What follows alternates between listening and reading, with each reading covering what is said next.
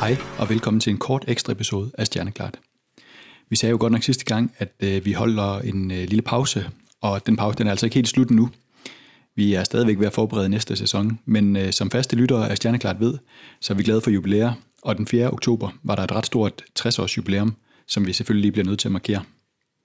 Det betyder også, at det kun er mig, som siger noget i den her episode. Louise har travlt med at lede efter eksoplaneter, og det skal jo til, så vi forhåbentlig snart kan lave en episode om hendes fund. Den 4. oktober 1957 var starten på en ny epoke, nemlig rumalderen. Den dag opsendte Sovjetunionen den første menneskeskabte satellit, som kom i kredsløb om jorden, Sputnik 1. På en gang både ydmygede de USA og tog hul på menneskets udforskning af rummet. Opsendelsen, som fandt sted en fredag, vagte stor opsigt. På forsiden af lørdagens politikken stod der kunstig måne kredser om jorden, Sovjetmeddelelse i nat.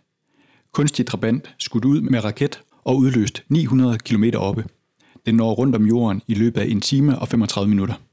Lidt længere ned på forsiden står der, den kunstige måne er som omtalt udstyr med radiosender, der i perioder så korte som 0,3 sekunder og med mellemrum af samme længde afgiver et telegrafisk signal, en hurtig, men jævn duttone. Straks da man i nat hos Post- og Telegrafvæsenets frekvenskontrol i Lyngby hørte om disse radiosignaler, begyndte jagten på den historiske lyd. Og i USA fulgte man selvfølgelig også med. Og her var man absolut ikke tilfreds med at være blevet overhalet indenom af det, som man betragtede som tilbagestående Sovjet. Et af de steder, hvor opsendelsen blev diskuteret livligt, var på Johns Hopkins University Applied Physics Laboratory i Maryland.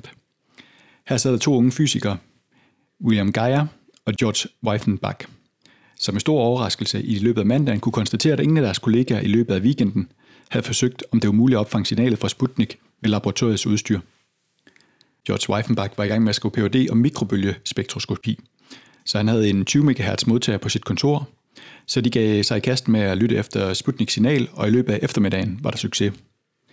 Da rygte om, at det var lykkedes at opfange signalet fra Sputnik spredte sig, var der en strøm af nysgerrige gæster, som gerne ville lytte med.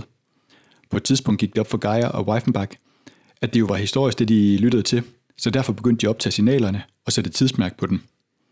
Mens de lyttede og optog, indså de, at de ved hjælp af Doppler-effekten kunne beregne Sputniks hastighed. Doppler-effekten, som vi har talt om før, både i forbindelse med universets udvidelse og i forbindelse med at finde øh, eksoplaneter, er det med, at lys og lydbølger ændres, hvis afsender eller modtager bevæger sig. Hvis afsenderen nærmer sig modtageren, bliver bølgerne presset sammen, og hvis de bevæger sig væk fra hinanden, så bliver de trukket øh, fra hinanden. Hvis afsenderen nærmer sig modtageren, bliver bølgerne presset sammen, og hvis de bevæger sig væk fra hinanden, så bliver de trukket fra hinanden. Ved hjælp af Doppler-effekten kunne de identificere kilden til det signal, de havde opfanget, og kunne bekræfte, at det var en satellit tæt på jorden. Ved at se på hældningen af Dopplerskiftet, kunne de desuden øh, finde det punkt på Sputniks bane, hvor satellitten var tættest på den. I løbet af et par måneder lykkedes det dem faktisk øh, sammen med en række andre forskere fra Applied Physics Laboratory at kortlægge hele Sputniks bane ud fra lydsignalet. I foråret 1958 der kaldte Frank T. McClure, som var vicedirektør for Johns Hopkins Applied Physics Laboratory, Geyer og Weifenbach ind på sit kontor for at stille dem et fortroligt spørgsmål. Når nu det var muligt at finde ud af, hvor en satellit befandt sig, hvis man havde en modtager på jorden, som man vidste, hvor var, kunne man så også gøre det modsat, altså beregne placeringen af en modtager på jorden, hvis man kendte øh, satellittens præcise bane. Efter at tykke lidt på det spørgsmål, så bekræftede de, at det kunne godt lade sig gøre. Senere fandt de ud af, hvad det var, McClure ville anvende den viden til. Det amerikanske militær arbejdede nemlig på at udvikle nukleare missiler, som skulle affyres fra ubåde. Og hvis man skal gøre det, så er det ret vigtigt, at man ved, hvor de er henne.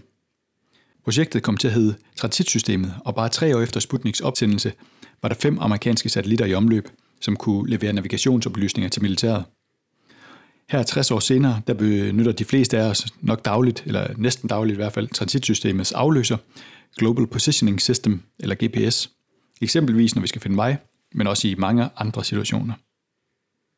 Det var alt for den her gang. Vi er snart tilbage med endnu flere fuldlængde episoder af Stjerneklart, hvor både Louise og jeg er med, og vi håber, I har lyst til at lytte med. Har I kommentarer eller spørgsmål, så vil vi meget gerne høre fra jer på vores øh, Facebook-side, som hedder Stjerneklart Podcast. Vi høres ved.